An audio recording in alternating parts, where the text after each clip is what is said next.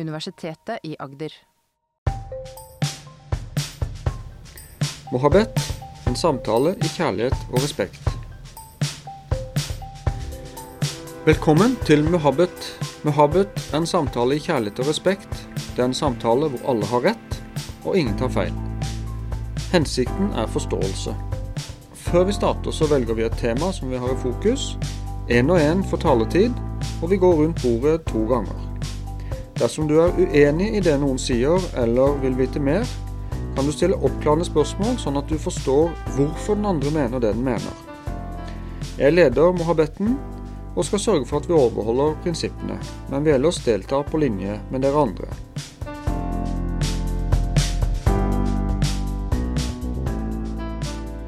Da har vi bestemt tema, og temaet for eh, dagens Mohabet er nysgjerrighet. Eh, og med oss her så har vi en gjeng som alle sammen jobber på Institutt for psykososial helse. Det er Monica Strømland, du er stipendiat og ansatt, slash skrevet i notatene mine. Det er litt sånn overgang der. Eh, Janne Lund, du er også stipendiat og ansatt. Eh, Bente Birkeland, du er førsteamanuensis ved Institutt for psykososial helse. Og Inger Beate Larsen, professor ved samme institutt. Og Gunhild Ruud Lindvig, som er stipendiat slash ansatt eh, på Institutt for psykososial helse. Og da starter vi bare mohabbetten med tema nysgjerrighet. Så da, Monica, Ja, da kan jeg begynne. da skal du få lov til å begynne. Takk for det. Um, ja, tema nysgjerrighet. En, når, når du sa det, tenkte jeg bare det Det ligger liksom så mye i det ordet. Det, det, er, mye, det, det er så mye kreativitet. Og jeg tenker Det er litt av det som, som driver oss som mennesker. Det som, som fører oss til å utforske verden ifra vårt ståsted. Og det er jo kimen til å forstå seg sjøl bedre og forstå verden bedre. Jeg liker det ordet nysgjerrighet. Det gir jo som en, en inngang til ny kunnskap, på en måte. Mm. Du sa det med nysgjerrighet, eller drivkraft. Kan du si noe mer om det? Ja, jeg tenker drivkraft. Det er noe av det som driver oss mennesker videre. Altså lysten til å lære noe nytt. Lysten til å utforske livet. Jeg tenker det, det er litt av det som er drivkraften i, i mennesker. Helt ifra vi er veldig små, helt fra vi er bitte små babyer, så ligger vi der og prøver å eh, sondere verden og prøve å forstå verden og forholde oss til verden på en måte. Så uten den nysgjerrigheten, hvor hadde vi da vært? på en måte? Men samtidig tror jeg ikke det er noe som er helt unikt for oss som mennesker. Jeg, jeg tror òg dyr kan ha det samme. Altså de, de er nysgjerrige. Jo på små valper eller små kattunger. Ikke veldig nysgjerrige på verden rundt seg. Mm. Mm. Ja, det, er liksom, det, det er noe positivt rundt det.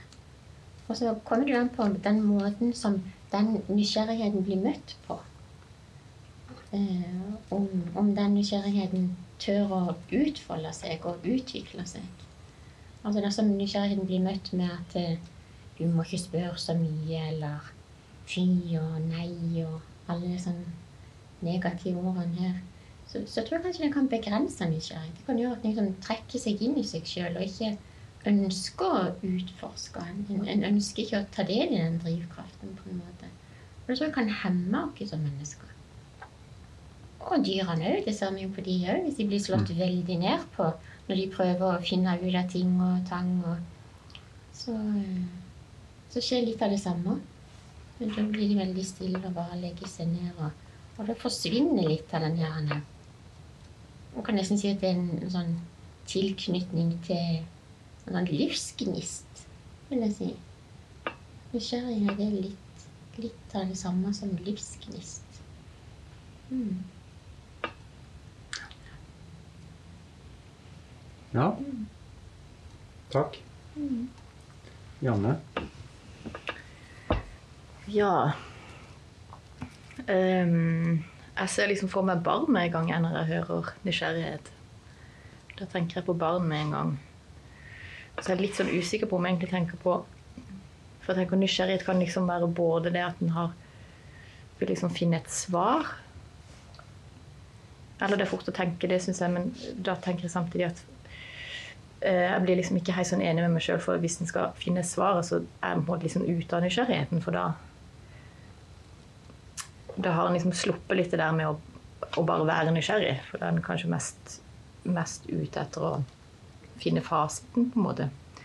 Men kanskje det henger Kanskje det henger veldig sammen. Så tenker jeg liksom på det i forhold til undring. Der er det litt mer sånn å, Kanskje mer sånn åpent. At en ikke nødvendigvis skal finne ut av ting. Kanskje.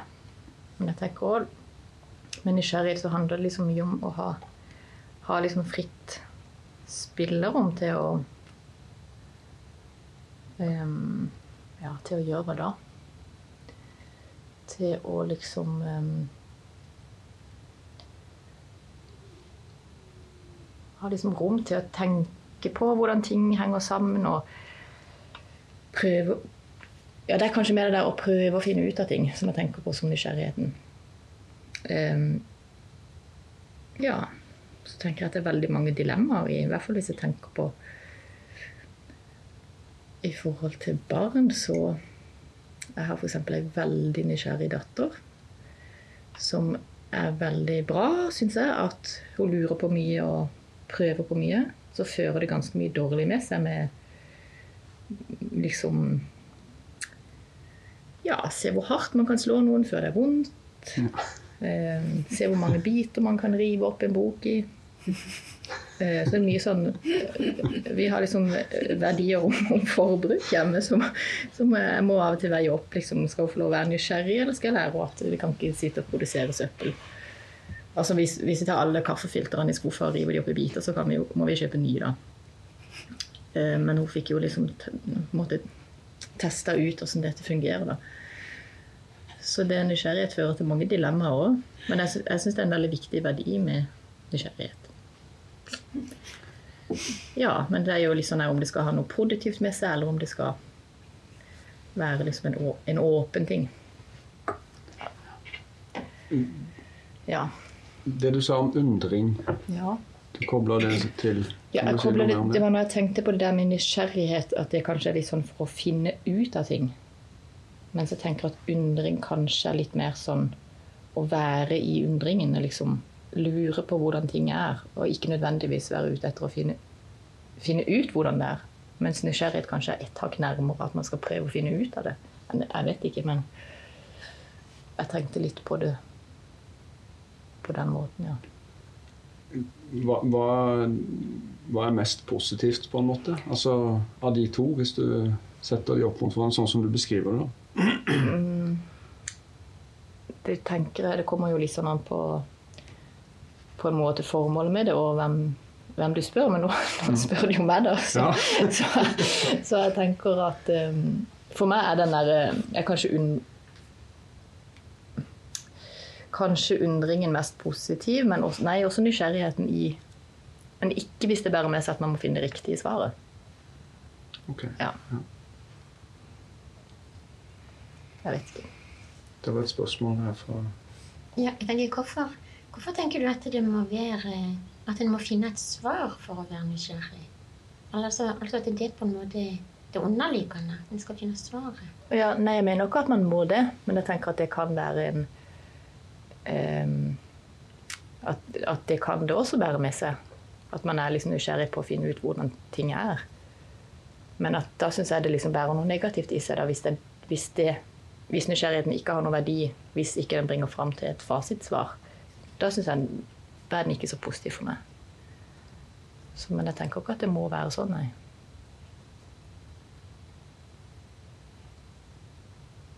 Ja.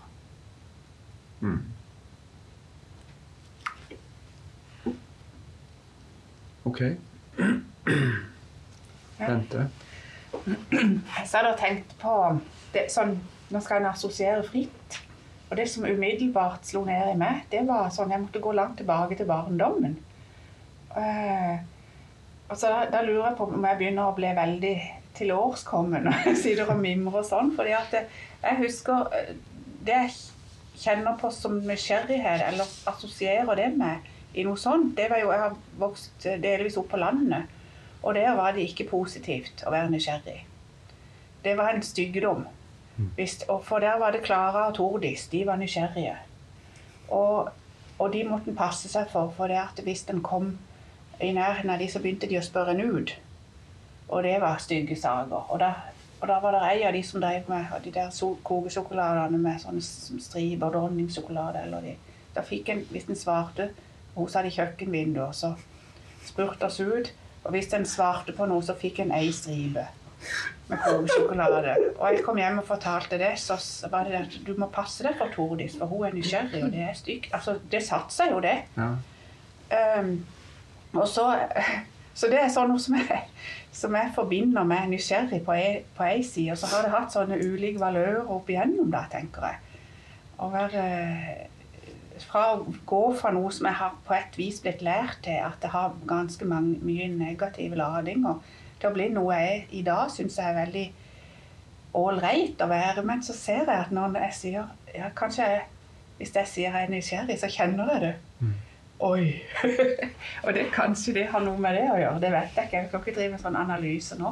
Men det var det som jeg umiddelbart eh, tenkte på da. At det kan være begge deler. Men at jeg i løpet av et langt liv, langt liv har kommet til at dette er noe veldig positivt. For jeg syns òg det er positivt når unger er nysgjerrige. Jeg syns det er positivt med nysgjerrige studenter. Jeg syns det er eh, positivt men jeg tror på min del at eh, barnelærdommen sitter litt i. For det at det, jeg må ta sats for å spørre på ting. Jeg vet ikke om det er det.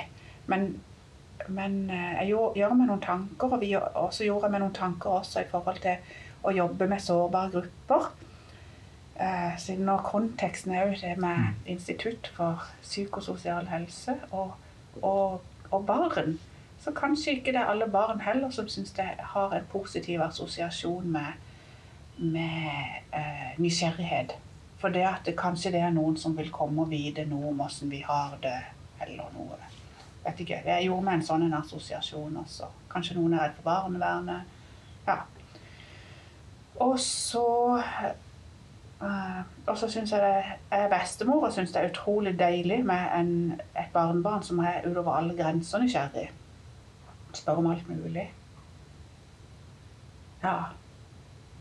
Så det, jeg, jeg syns jeg har gått fra at det er noe noe som jeg har, er negativt, til at det er egentlig noe positivt. Og så er det for en forskjellige valører innenfor det også, da. Jeg har tatt begge deler. Det var helt umiddelbart. Ja, Mo- Ja, jeg først. jeg, jeg syns bare det var så fint at du trakk opp det om at når du vokste opp, så var ikke det med nysgjerrighet nødvendigvis en positiv ting. For akkurat sånn var det for meg. Jeg jeg vokste opp på Har du et oppklarende spørsmål til Bente?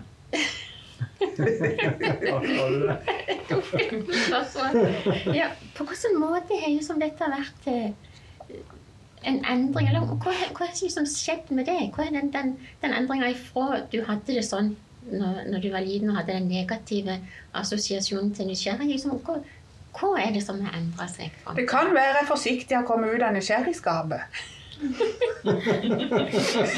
Det var det jeg håpte på. Litt. Ja. Jeg tror ikke det skjer sånn. Nei, jeg tror ikke heller det. Nei. Eh, Var du ferdig med den? Jeg er ferdig med svaret. Ja, ja, for jeg hadde et spørsmål. Du sa at det var noe negativt eller farlig ved det. Fikk, fikk du tak i hva var det som var farlig med det når du, når du var liten? Altså, hva var det som kunne skje? Det var egentlig mest at det var stygt. Ja. For det var en stygg ting å gjøre å drive og spørre om andre. For ehm, mine foreldre ble skilt, og det var jo utenkelig på den tida. Og på landet var det jo trippelutenkelig. ikke sant? Så dette var jo Det var jo Jeg hadde kanskje litt makt òg. Fordi at jeg kunne velge å svare på noe. Altså tie stille en stund til jeg fikk den der stripa med dronning, eller hva for noe. Jeg, hus, jeg vet ikke, jeg tenkte jo ikke bevisst på det, men Men eh, det var nok det at det var eh, nysgjerrighet, altså nyfikenhet. At det er i den der og De hadde et ord på landet. Hun er så fregen. Jeg vet ikke hva det eh, Tordis er så fregen. Hun freger. Og det sånn, det var noe stygt. Det var, det var sånn eh, Nyfikenhet på en negativ måte. Mm. Og det skulle man jo ikke være. Så var det et spørsmål herfra. Ja, jeg, i hvert fall jeg lurer på, for øh, det var vel kanskje sånn da du ble ikke spurt om deg sjøl. Var det sånn at hun spurte deg ut om andre folk? Ja, gjerne i sånn at du skulle familien. liksom få et Ja. Mm. At det var der kanskje det lå, det Mm. negative, da. Mm. Ja. Mm. Det var et spørsmål til her fra Det Monica. var ikke, det var ikke et spørsmål. Det var, du, du hadde, det var kalte det for fregen i Flekkjord, hadde vi forveden. Mm. Så det er sånn eh, Og det er ikke positivt lada ord. Nei, og det snapper en jo opp. Mm. Så jeg tror jeg lærte andre måter å finne ut av ting på. Så dette var sikkert, Det var ikke en sånn faglig redegjørelse, men det var en assosiasjon, da. Ja, men det er fint. Ja, skal vi over videre da, til Inger Beate? Jeg får prøve å assosiere om nysgjerrig er det òg, da. Og eh, jeg, jeg, jeg fikk jo assosiasjoner når, når Bente snakka for det første, når du sa vi skal snakke om nysgjerrighet, så tenkte jeg òg, og det har kanskje med alder å gjøre, at det var noe stygt, og det var noe fint. Eh, hadde, jeg vokste også opp med at eh, at eh, nysgjerrighet det, nysgjerrig skulle man ikke, ikke være. Det, det var eh, det, det, det ble forbundet med å være en slags altså Hvis du var nysgjerrig, så var du gjerne en sladrekjerring, kalte vi det. Eh, fordi da satt du på en måte og, og samla inn informasjon om andre, sånn at du kunne liksom gjøre deg populær med å fortelle nyheter eh, på, på, på, på bygda. Den første som kom med, med nyhetene. Eh, så jeg kjente meg veldig igjen i det, det Bente sa. Det var, det var hele tida eh, Jeg har navn på de som var nysgjerrige. Men de, men de, de ble også kalt sladrekjerringer.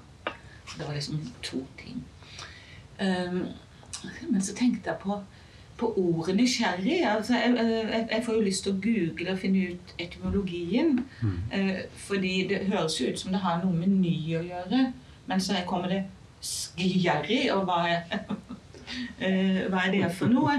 Men i hvert fall eh, et eller annet om eh, å, enten få nyheter, som, som da kan være negativt, men òg å oppdage noe, noe nytt.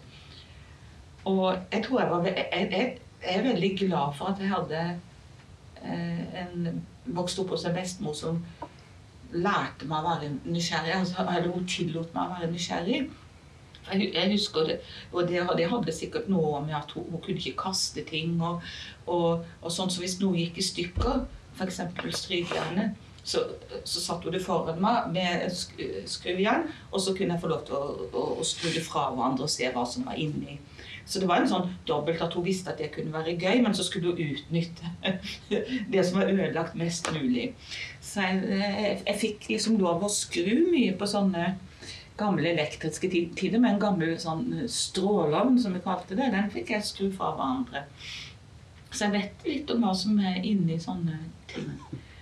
Eh, og jeg tror noe av det faktisk har gjort at jeg syns det er spennende å være forsker. Jeg blir nysgjerrig på ordene som eh, deltakerne bruker. Jeg blir eh, nysgjerrig på, på, på dette med, med livet generelt. Hva er, det, hva er det de kan lære oss? Og, så, og det ser jeg jo på som, som positivt.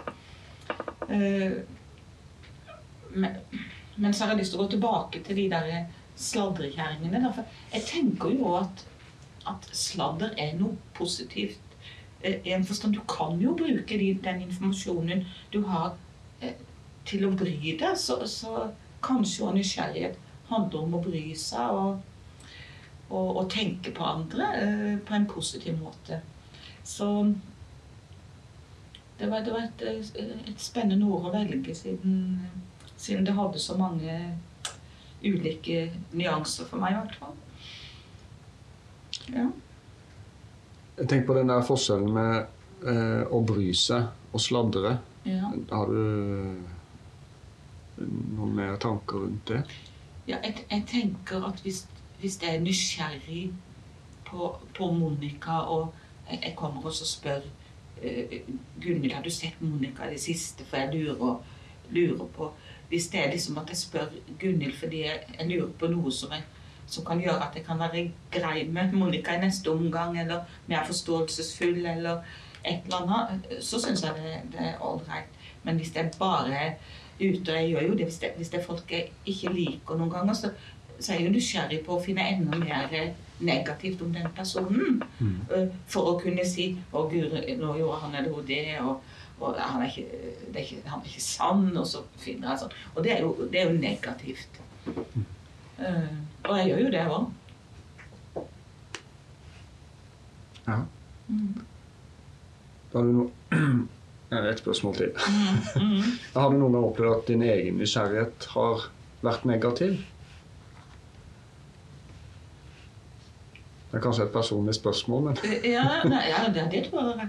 Uh, om det er min egen nysgjerrighet har vært Altså, jeg, jeg, ja, kanskje at jeg har liksom på en måte vært nysgjerrig på den måten altså, at jeg brydd meg så mye at, at det får følger, for da må jeg følge det opp.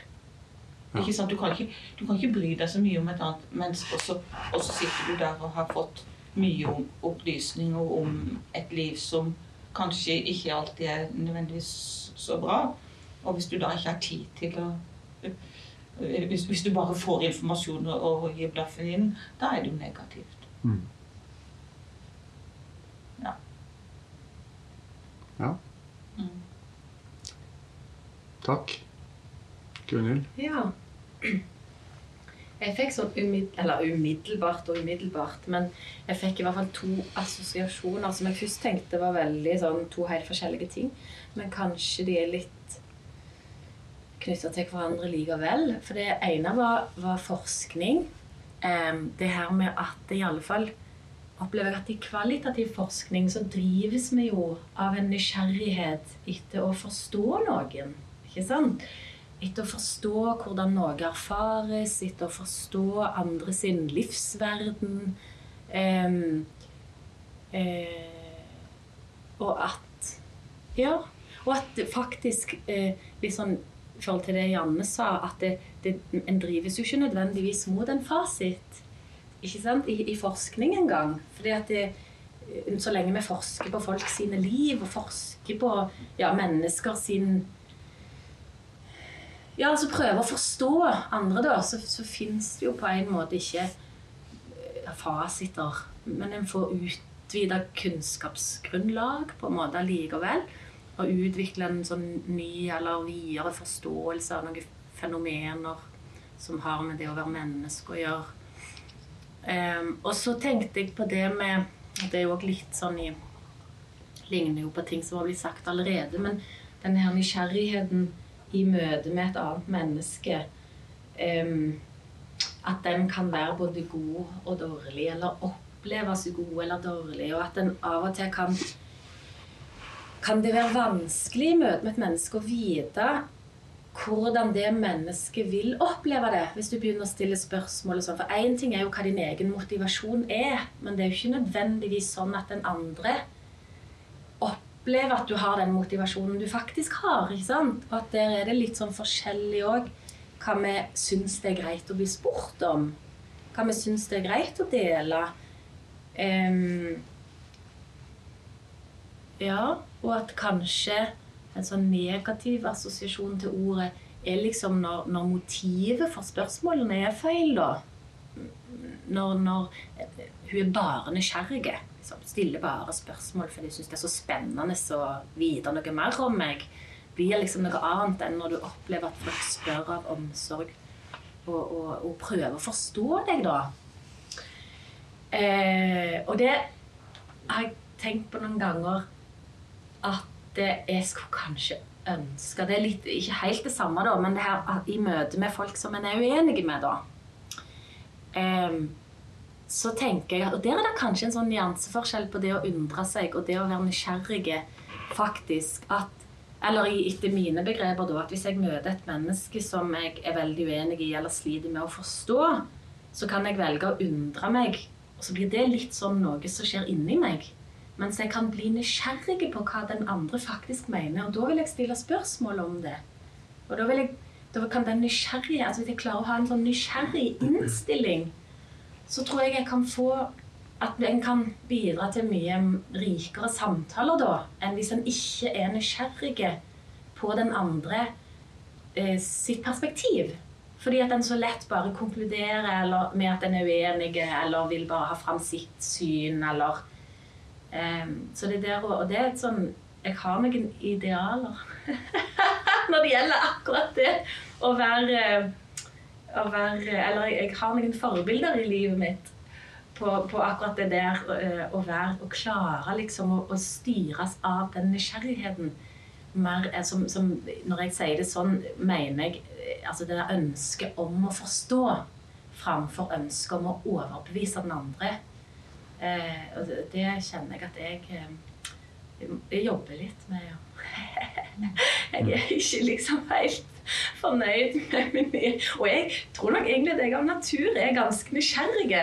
Men at jeg kan utvikle litt mer av den positive nysgjerrigheten da, som, som handler om rett og slett å og jeg kanskje får litt trening i det av å forske kvalitativt. Når en er ute og, og, er på jakt etter å forstå, forstå andre sine perspektiv, og forstå andre sine opplevelser og erfaringer, forstå andre sine refleksjoner over sine egne liv altså, ikke sant? Så, så får en jo egentlig litt trening i den nysgjerrigheten. For som forsker så kan du jo ikke sitte og mene noe tilbake i et intervju, f.eks. Må jo bare grave i hva den andre tenker og mener. Mm. ja. Et spørsmål. Kan du si noe om hva er det som gjør at du havner i i eh, Altså, du sier det med å eh, overtale. Mm. Altså den, det moduset der. Hva er det som gjør at du havner i det? Jeg tror, jeg tror jo det er sånn som ligger litt i personligheten. At vi er bare litt forskjellige der. Um, ja, jeg, jeg, vet ikke, for jeg har en sånn der Et driv i meg. Altså, en sånn før jeg får tenkt meg om, så tror jeg bare at jeg har rett, liksom. At jeg er så overbevist om min egen fortolkning, på en måte. Mm.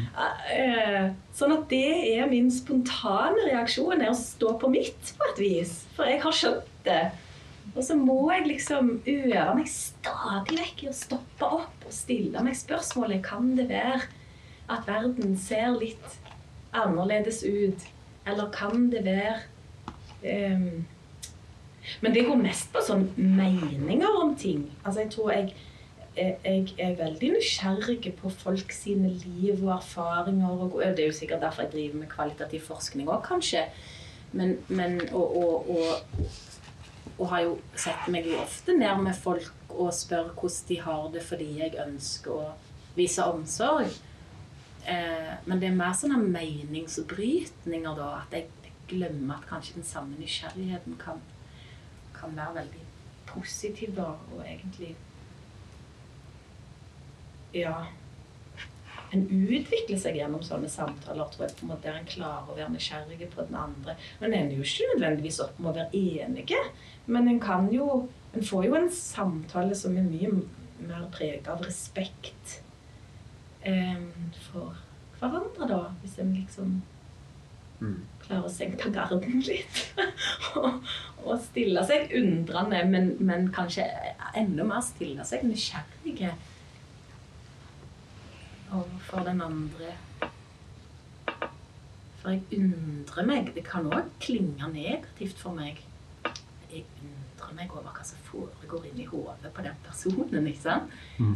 Det, det, kan, det, kan, ligge noe annet i det enn at liksom, nå blir jeg så nysgjerrig på å forstå hva dette mennesket faktisk mener, eller hvorfor dette mennesket står for denne meningen. Eh, eller uttrykker seg på den måten, eller ja. Så i den sammenheng blir nysgjerrighet noe veldig positivt for meg. Noe som jeg lader med respekt, på et vis.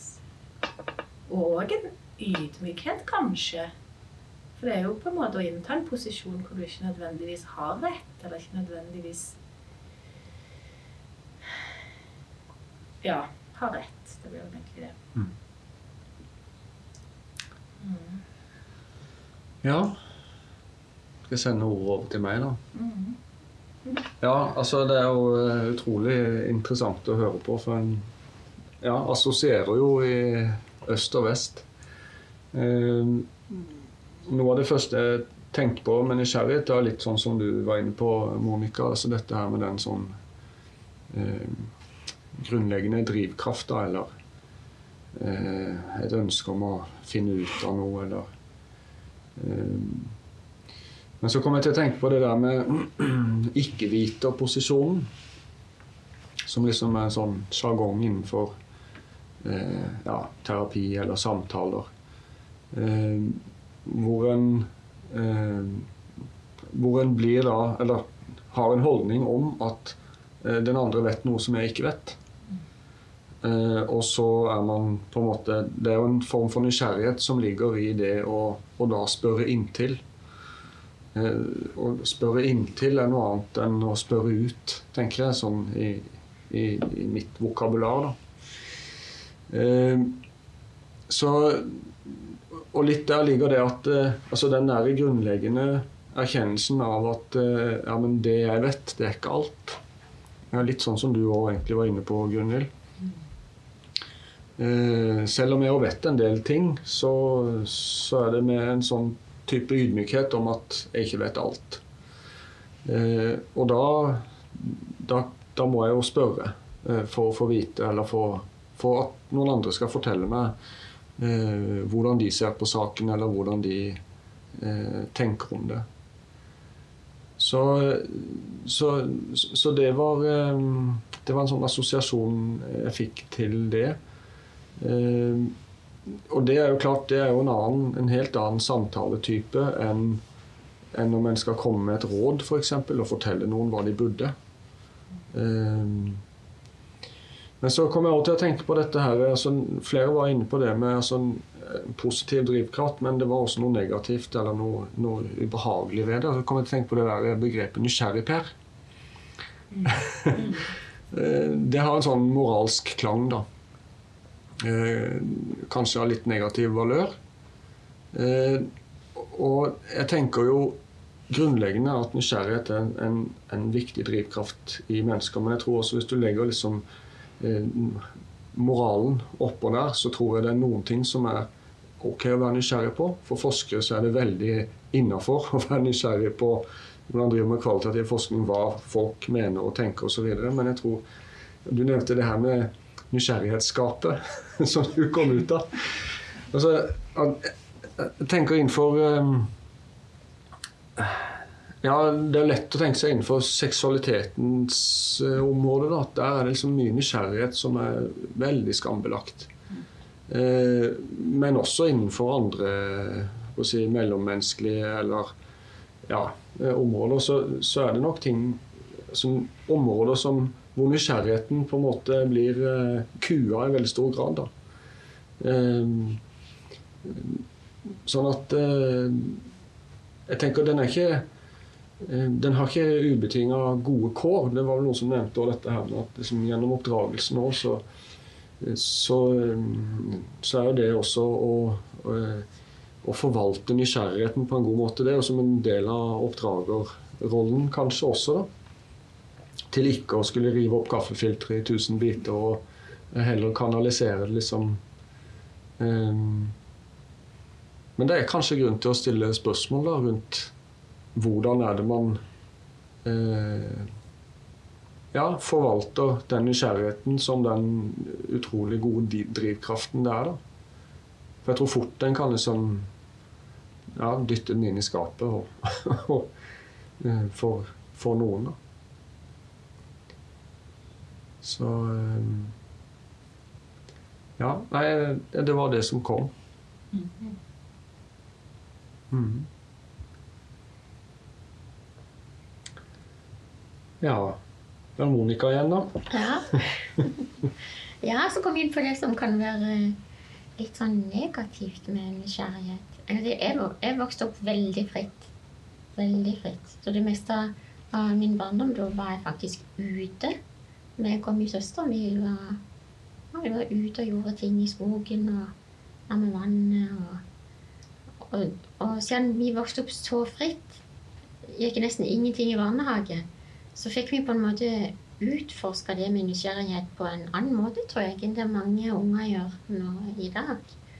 Eh, For det var ingen voksne der. Vi kunne gå hjem til min mor og komme inn og sånn, men, men eh, jeg kunne eksempel Det gjorde jeg en sommer. Da eh, jeg var veldig, veldig glad i å bade, og det å dykke var jo som Det, det var toppen av lykke.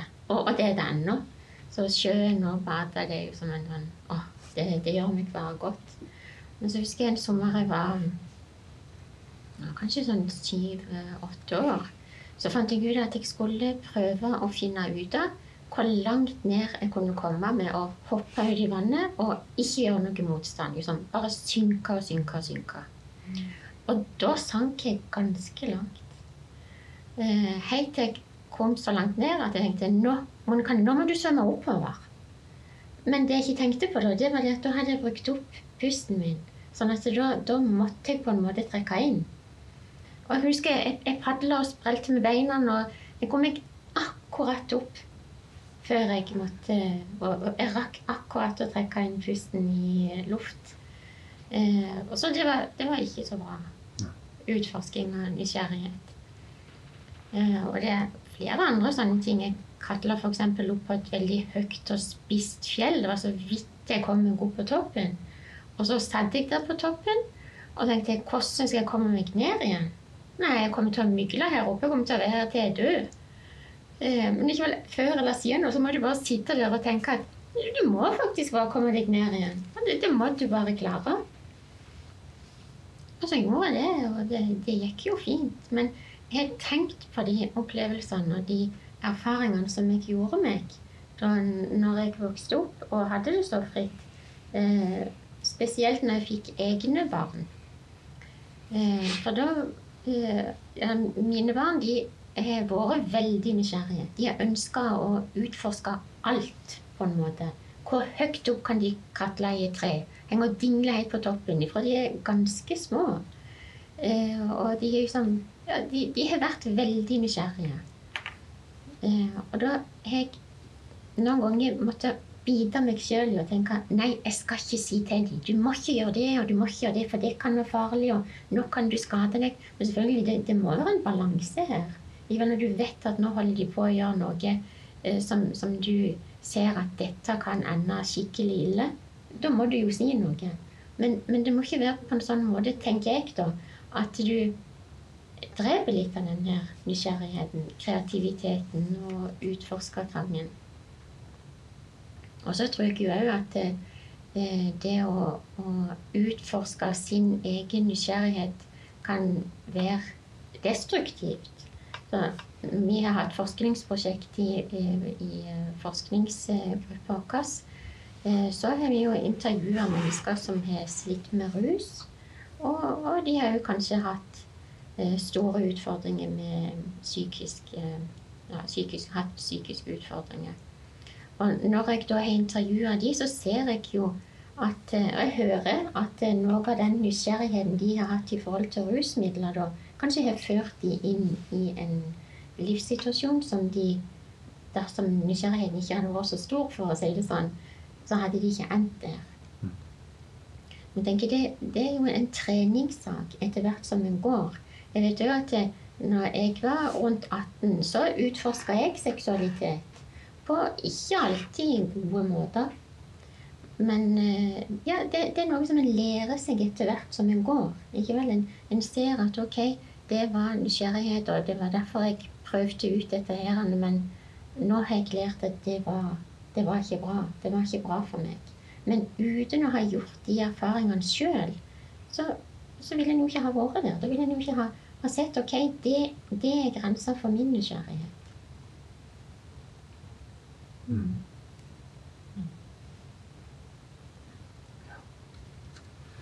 Jeg kunne godt tenke å stille et spørsmål. Eh, Jeg ble bare nysgjerrig på det med eh, hvordan man kan skjønne at man bør sette grenser for nysgjerrigheten. Jeg tenker at det er når du, når du kjenner inni deg i etterkant at uh, Nå ble du redd, på en måte. Og når, den redselen tror jeg en må ta litt sånn på alvor. Altså, du blir redd for den følelsen som det ga i deg sjøl. Det å ta egne følelser på alvor, tenker jeg. Mm.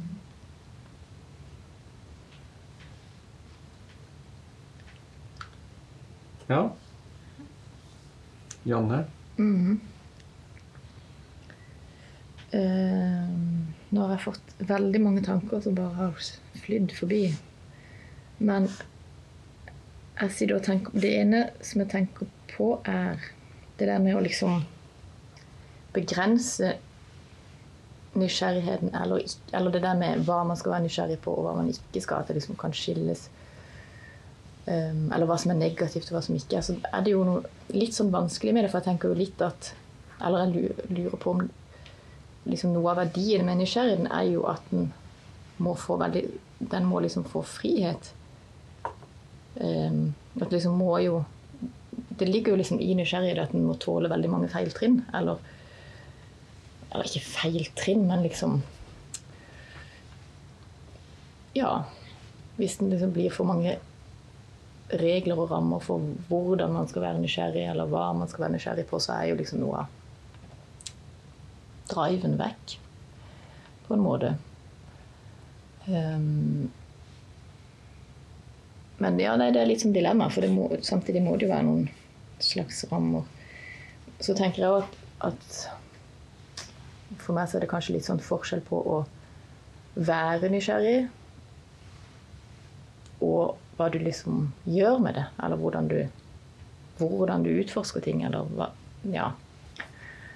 At det må det kan skilles litt der òg. Og så begynte jeg å, nå nå ble jeg hoppet assosiasjon, for jeg begynte også å tenke på det med sånn spenningssøking. Er det det samme som nysgjerrighet om det? For der kan det jo liksom fort Hvis man presser spenningssøkinga for, for langt, så kan det jo gå litt galt.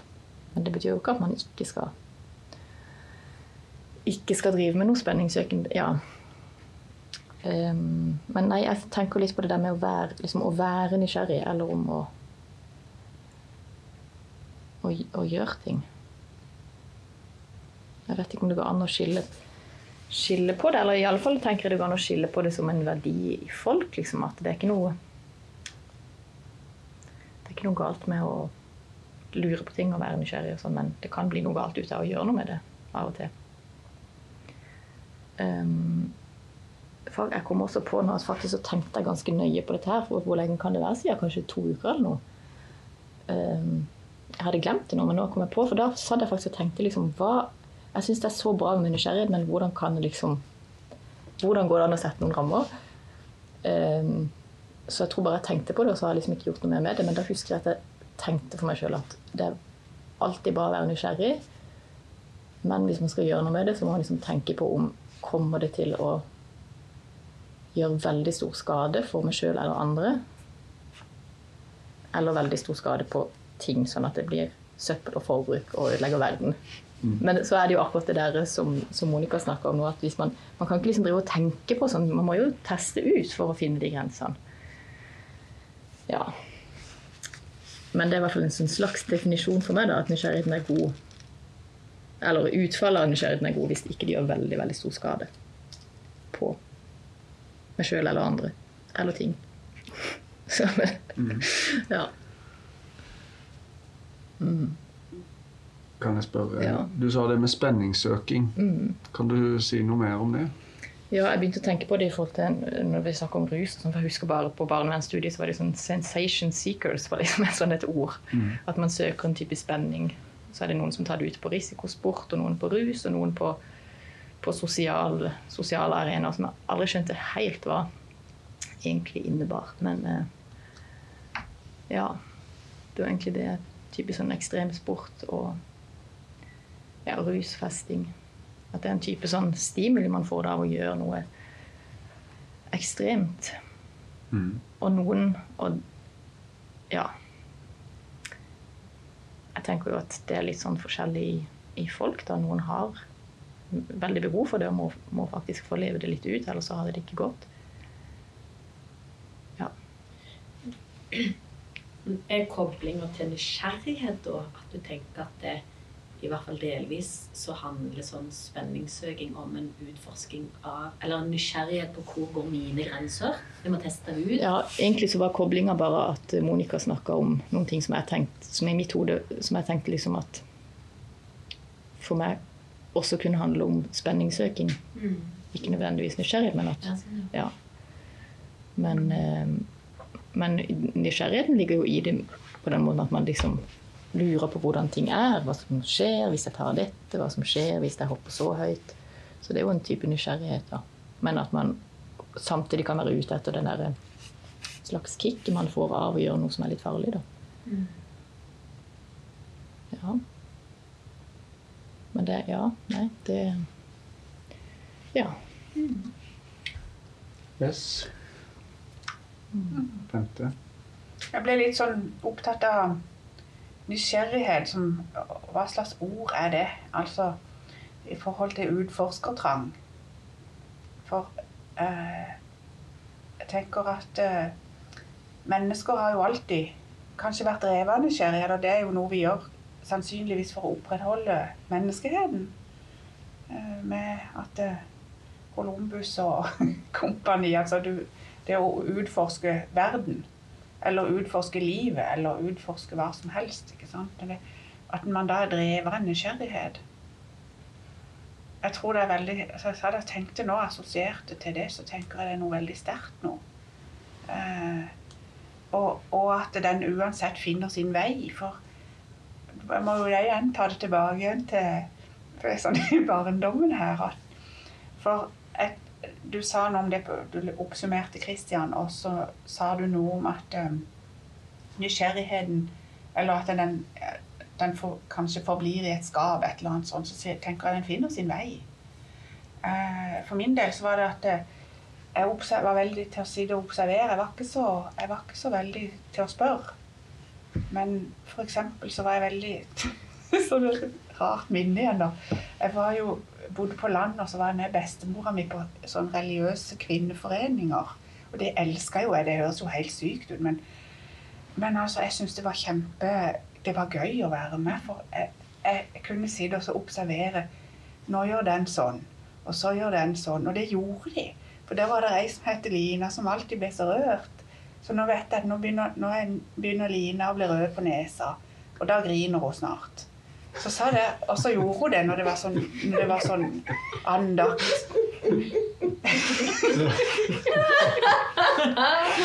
og så, for det er jo sånn ja, sånne ting da. Så jeg sa det jo, og så, så kunne jeg fortelle om det, og det var greit når jeg kom hjem. Fortalte meg at Lina begynner alltid å grine når hun blir, rød på nesa. og sånn.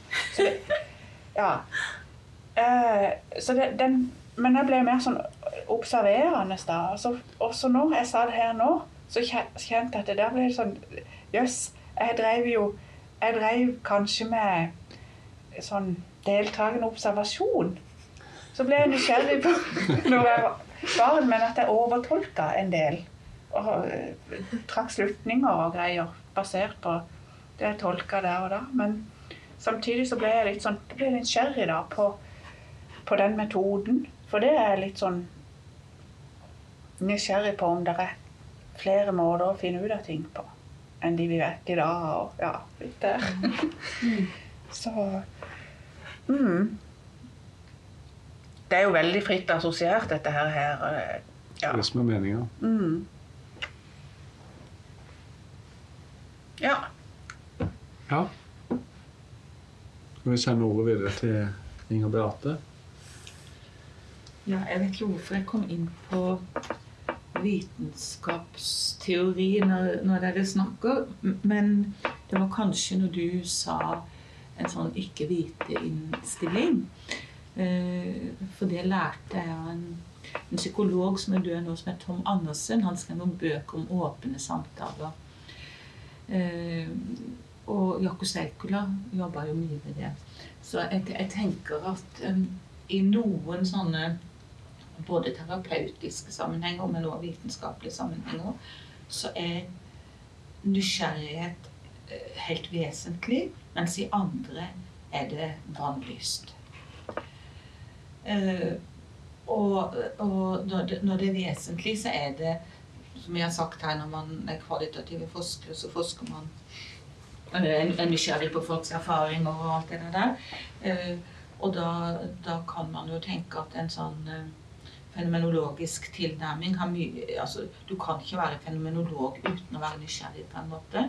Men du kan heller ikke være feltforsker. altså Du kan jo ha en fenomenologisk innstilling som feltforskning eller deltakende observasjon, observatør, men du kan jo òg på en måte være i det etnografiske landskapet. Og veldig mye av de beskrivelsene eh, om å gå inn i et felt, som handler om å gå åpent inn i feltet i en sånn ikke-vite-posisjon, eh, de, de, plasserer seg ikke i fenomenologien, men, men egentlig i mer samfunnsvitenskapen. Men likevel så er det det som er sånn, et ideal for hver deltakende observasjon.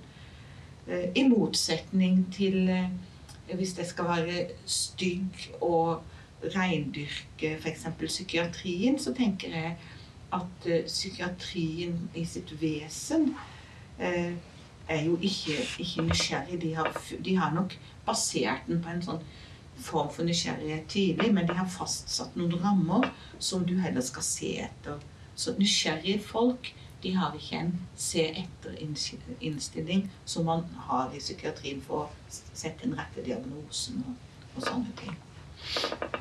Så det Egentlig så hadde jeg mange sånne gøye, gøye tanker når, når, dere snakker om, om vern og ting. Men nå ble det plutselig litt sånn kjipt, kjipt kanskje, men, men øh, Ja. Det, det er jo jeg, jeg, jeg, Ja, nå, nå, jeg tenkte også på Inger Hagerup. Uh, hun må jo ha vært et veldig nysgjerrig menneske når hun har skrevet alle de der barnerima. Mm. Altså, eh, om mauren og om krabba og om alt. Det handler jo om å, å, utforske verden. Og noen ganger har jeg tenkt at eh, lærebøker i psykisk helsearbeid kunne holde med, med dikt av. Hvis man bare klarte å assosiere. Og det har jeg egentlig lyst til å lage forsknings... Nei, nå begynner jeg forskningsprosjekt på hvordan man kan lære Inger Hagerup inn i møte med andre mennesker. Og det er den nysgjerrige. Ja. Et spørsmål. Mm -hmm. Du sa det med se etter-holdning. Mm -hmm. Det er ikke en eller innstilling som nysgjerrige har. Men hva slags innstilling tenker du preger en som er nysgjerrig? Nei, Da er det den ikke-seter, altså den, den som du snakka om med med ikke vite. Ja. Uh, og det, det ble jo litt sånn Eksperten vet, og du kan godt være en god terapeut, uh, men, men, du kaller deg ikke ekspert på den uh, på kunnskapen. Du er kanskje ekspert på dialogen, eller eksperten, ekspert mm. på å forstå den andre. og sette altså Sånn som fenomenologene sier, din kunnskap om fenomenet i, i parentes. da. Mm. Kan jeg spørre, tenk, tenker du at når man har en sånn se etter-holdning, så vet man hva man ser etter? Ja. ja. ja. Mm. gidder ikke nyansere det. Vi trenger det.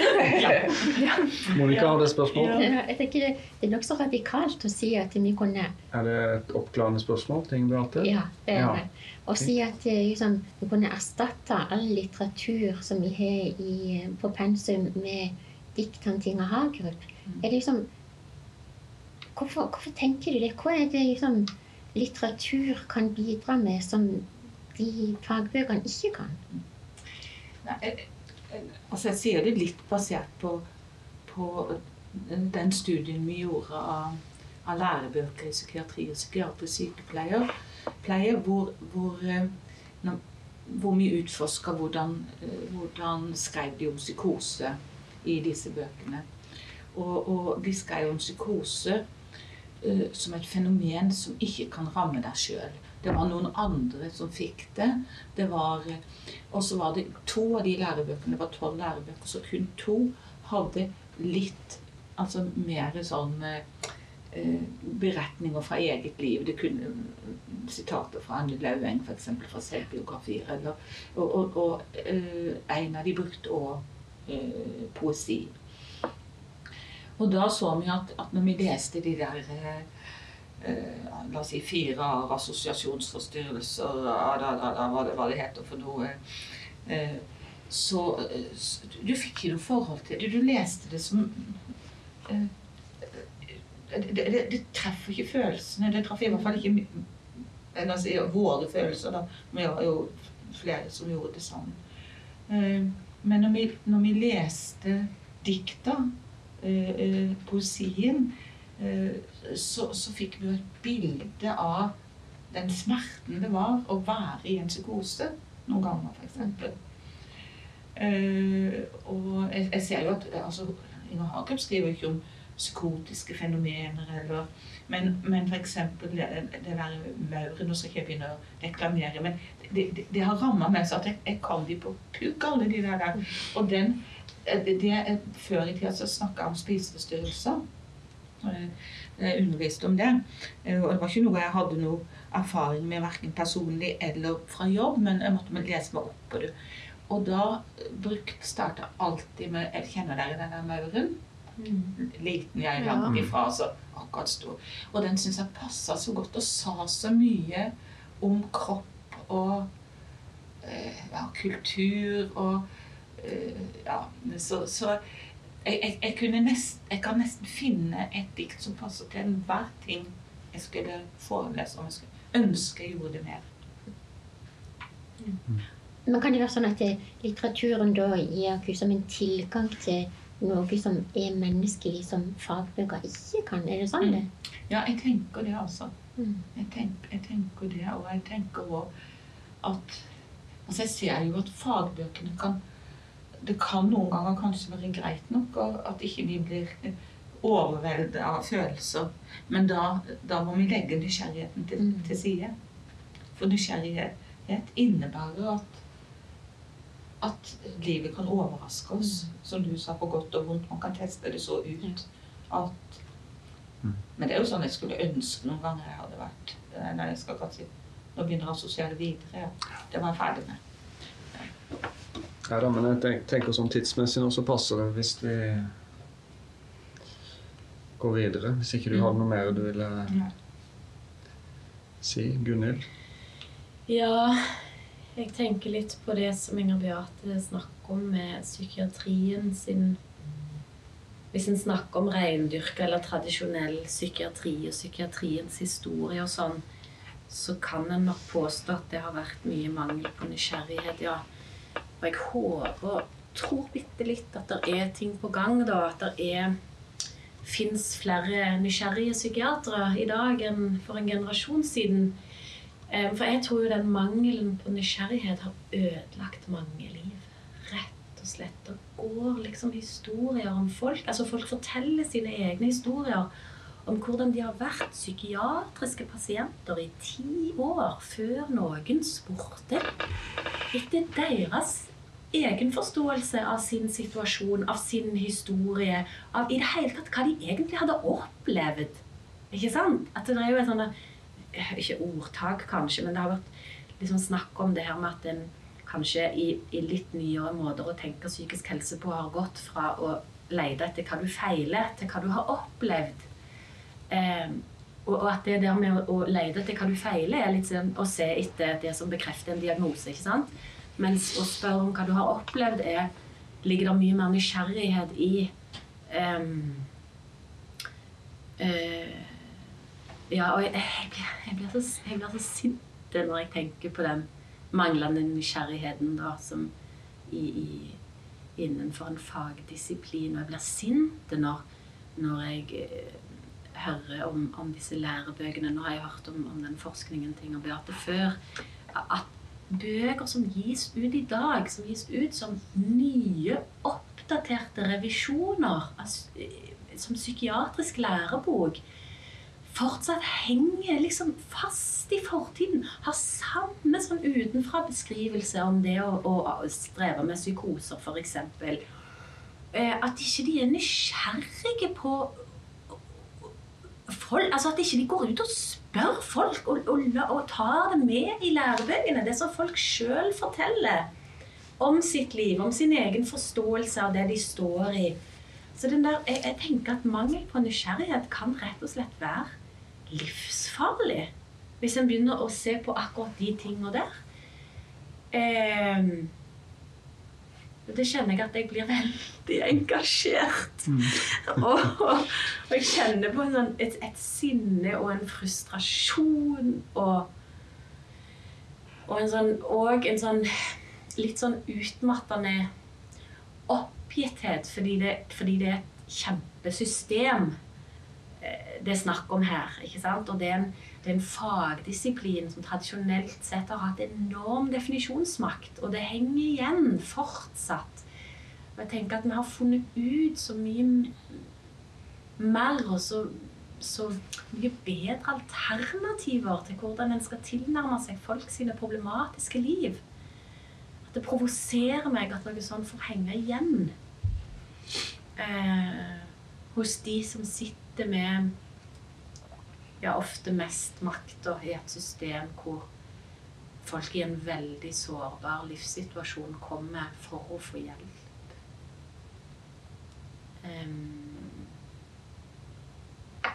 kan jeg ja. Var du ferdig? Eller? Nei, ja, bare spør. Ja. Men hvorfor, er, hvorfor, tenker du at det fremdeles er sånn? Altså at ikke det har endra seg? Hva er det som gjør at det henger igjen? Jeg tror det handler om mange ting. Eh, jeg tror det handler om eh, menneskelige ting som å Altså som eh, Altså alt fra ned på individnivå at hvis en, en behandler som har handla i beste mening, plutselig skal begynne å granske sin egen måte å møte mennesker på og risikere å finne ut at de har gjort noe i 20 år som har vært uheldig for veldig mange av de de har prøvd å hjelpe, så tror jeg det er ekstremt smertefullt. Den, den døra vil du ikke åpne. Så fins det jo helt sikkert noen som åpner den døra, og all ære til de. Eh, helt derfra til opp på, på, et nivå hvor det er en legemiddelindustri som tjener penger på at en holder på det gamle systemet med diagnoser og medisinering ut fra diagnoser. Og så er det mye mellom der òg, tror jeg, med profesjoner som er vant til å ha med, altså som grupper, ikke sant. Som, som, det var jo en som sa til meg at, det, at det, hvis vi skal eh, på en måte re reformere psykiatrien, så, så står du plutselig med nyutdanna psykiatere som, som, de er utdanna til noe som ikke fins. Altså, det er noe med eh, ja, det er noe med at det er òg et enormt system da, som skal endres på så veldig mange nivåer. Eh, når de ikke engang greier å endre lærebøkene, så, mm. så, henger, så går en jo bare i sirkel, da. Um, Mm.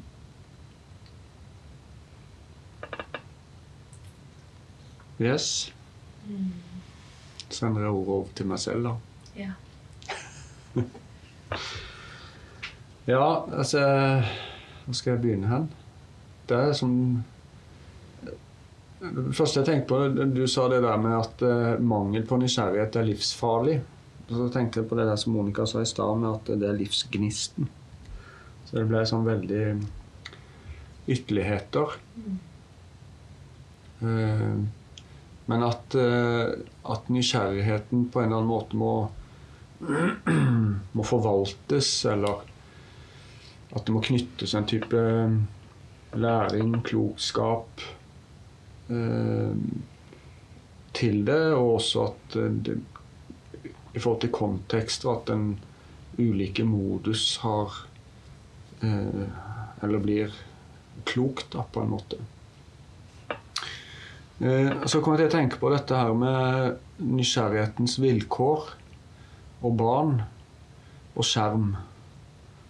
Eh, så tenkte jeg Hvis det er sånn at man blir overrumpla med stimuli og valgmuligheter, eller i psykiatrien at man har et sånn gjennomgripende system med veldig klare forventninger og sanksjoner eh, osv.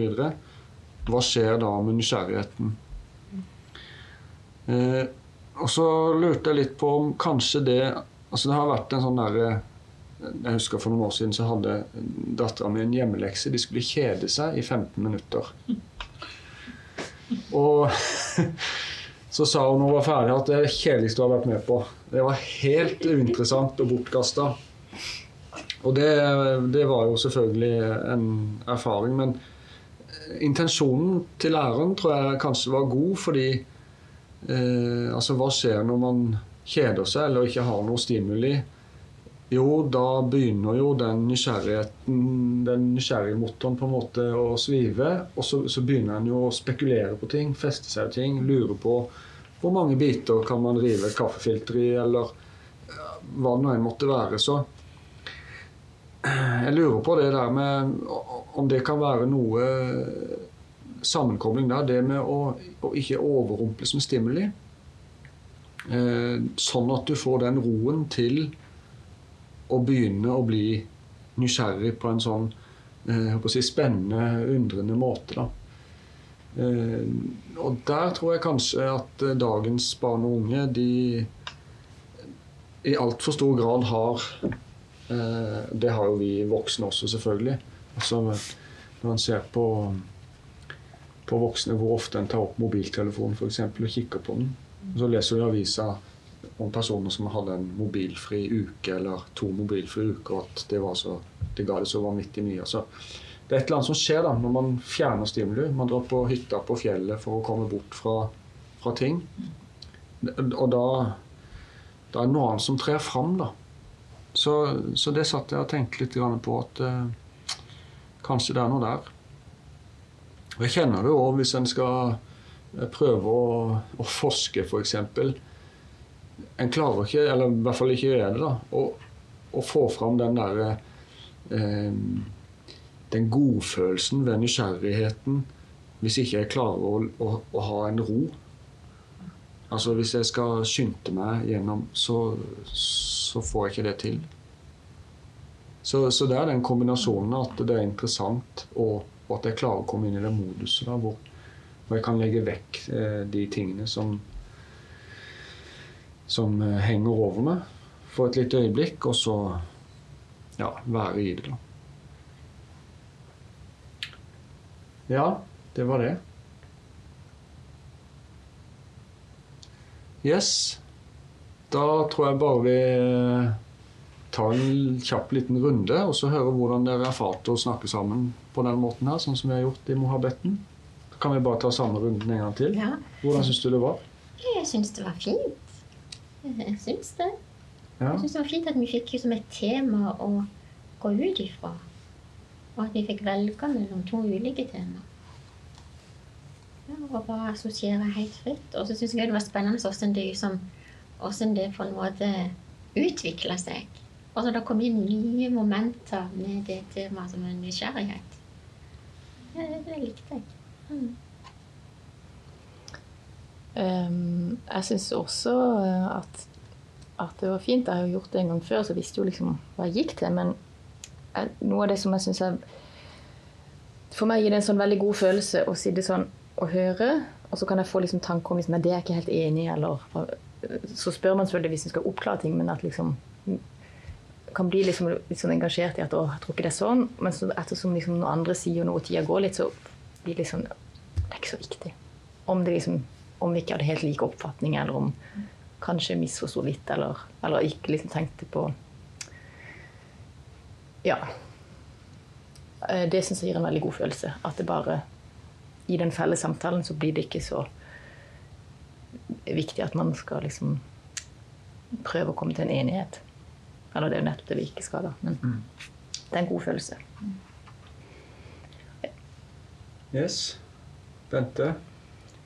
Jeg syns det var helt nydelig å bare ha sånn, nesten en sånn timeout, for jeg har så mange ting som haster. Og så bare Nå skal vi snakke om det, og så skal vi bare være her. Det syns jeg var veldig ålreit.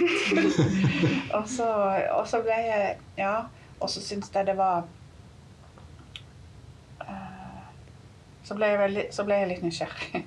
Nysgjerrig på det med de der psykiatriske lærebøkene, da, og skulle gjerne ha vært inni hodet på de som har skrevet de. Eller hør, hva har de hatt med seg? Bare hodet eller hjertet? Ja.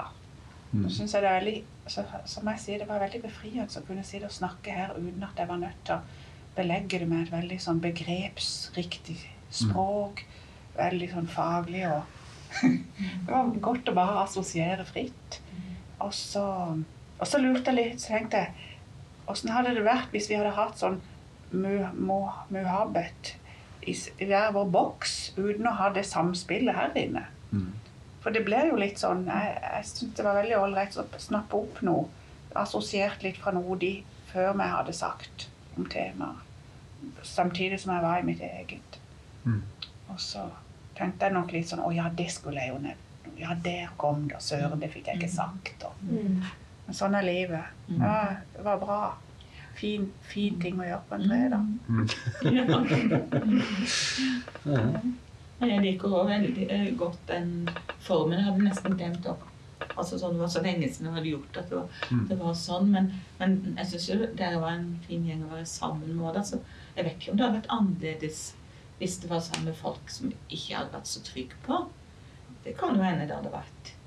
Og så fikk jeg en assosiasjon fordi sist jeg satt i en sånn ring rundt et bord som ligna litt det var, Vi hadde nettopp et doktorgradskurs i fenomenologi og psykisk helse.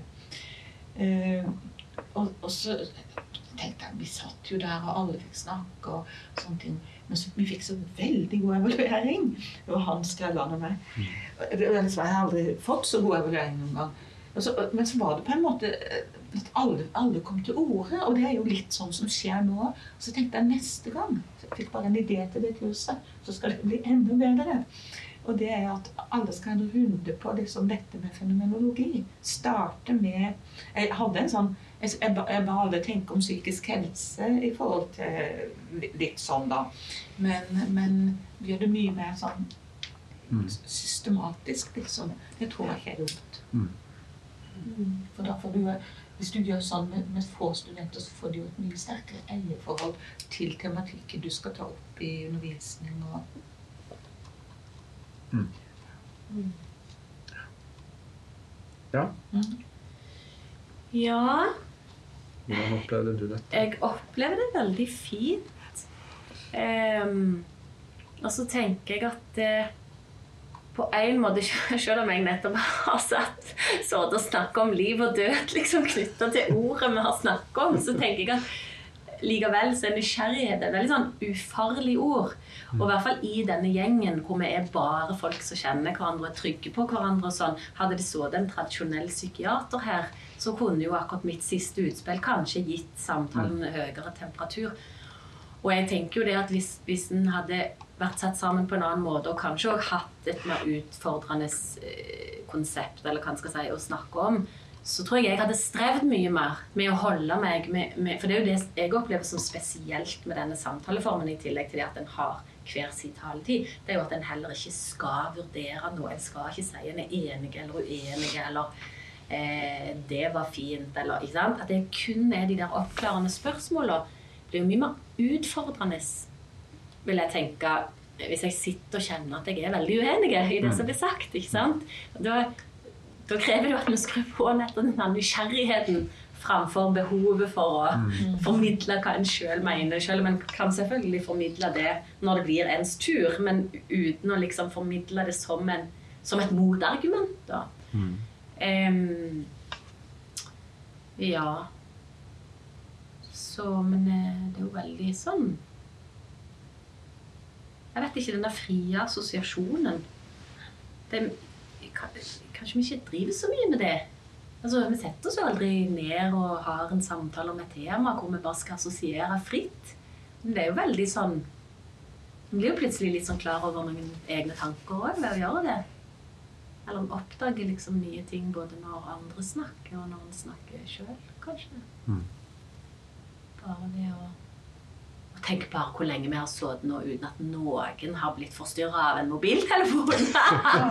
Apropos i seg sjøl, så er jo det nesten litt spesielt i våre dager. Det er helt sprøtt å tenke det med å si det, men det er jo dessverre Mm.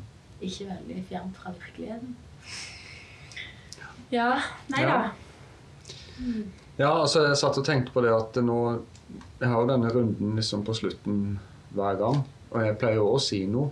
Altså, Men det kan jo være at jeg gjentar meg sjøl på, alle, alle opptaka. Men, um, men jeg syns jo liksom hver mohabbet har sin egen karakter, da. Um, og det altså Det som er gjentagende, syns jeg er den derre roen. Og, og det at en kommer inn i nesten sånn eh, meditativ sånn tankestrøm, da. Eh, for, for det alle sier, det farer liksom gjennom mitt hode og blir en del av en sånn tankestrøm som, som, som blir en, en eh, sånn assosiasjonsmotor, eller hva en skal si. Og det er ganske Det er utrolig fascinerende og utrolig spennende. Så, så jeg tror jeg går herfra med, med å være enda mer nysgjerrig på nysgjerrighet enn det jeg var når vi starta. Men jeg tror også jeg har lært ganske mye om, mer om det. da. Så, så det var det. Takk skal dere ha. Da er vi ferdig.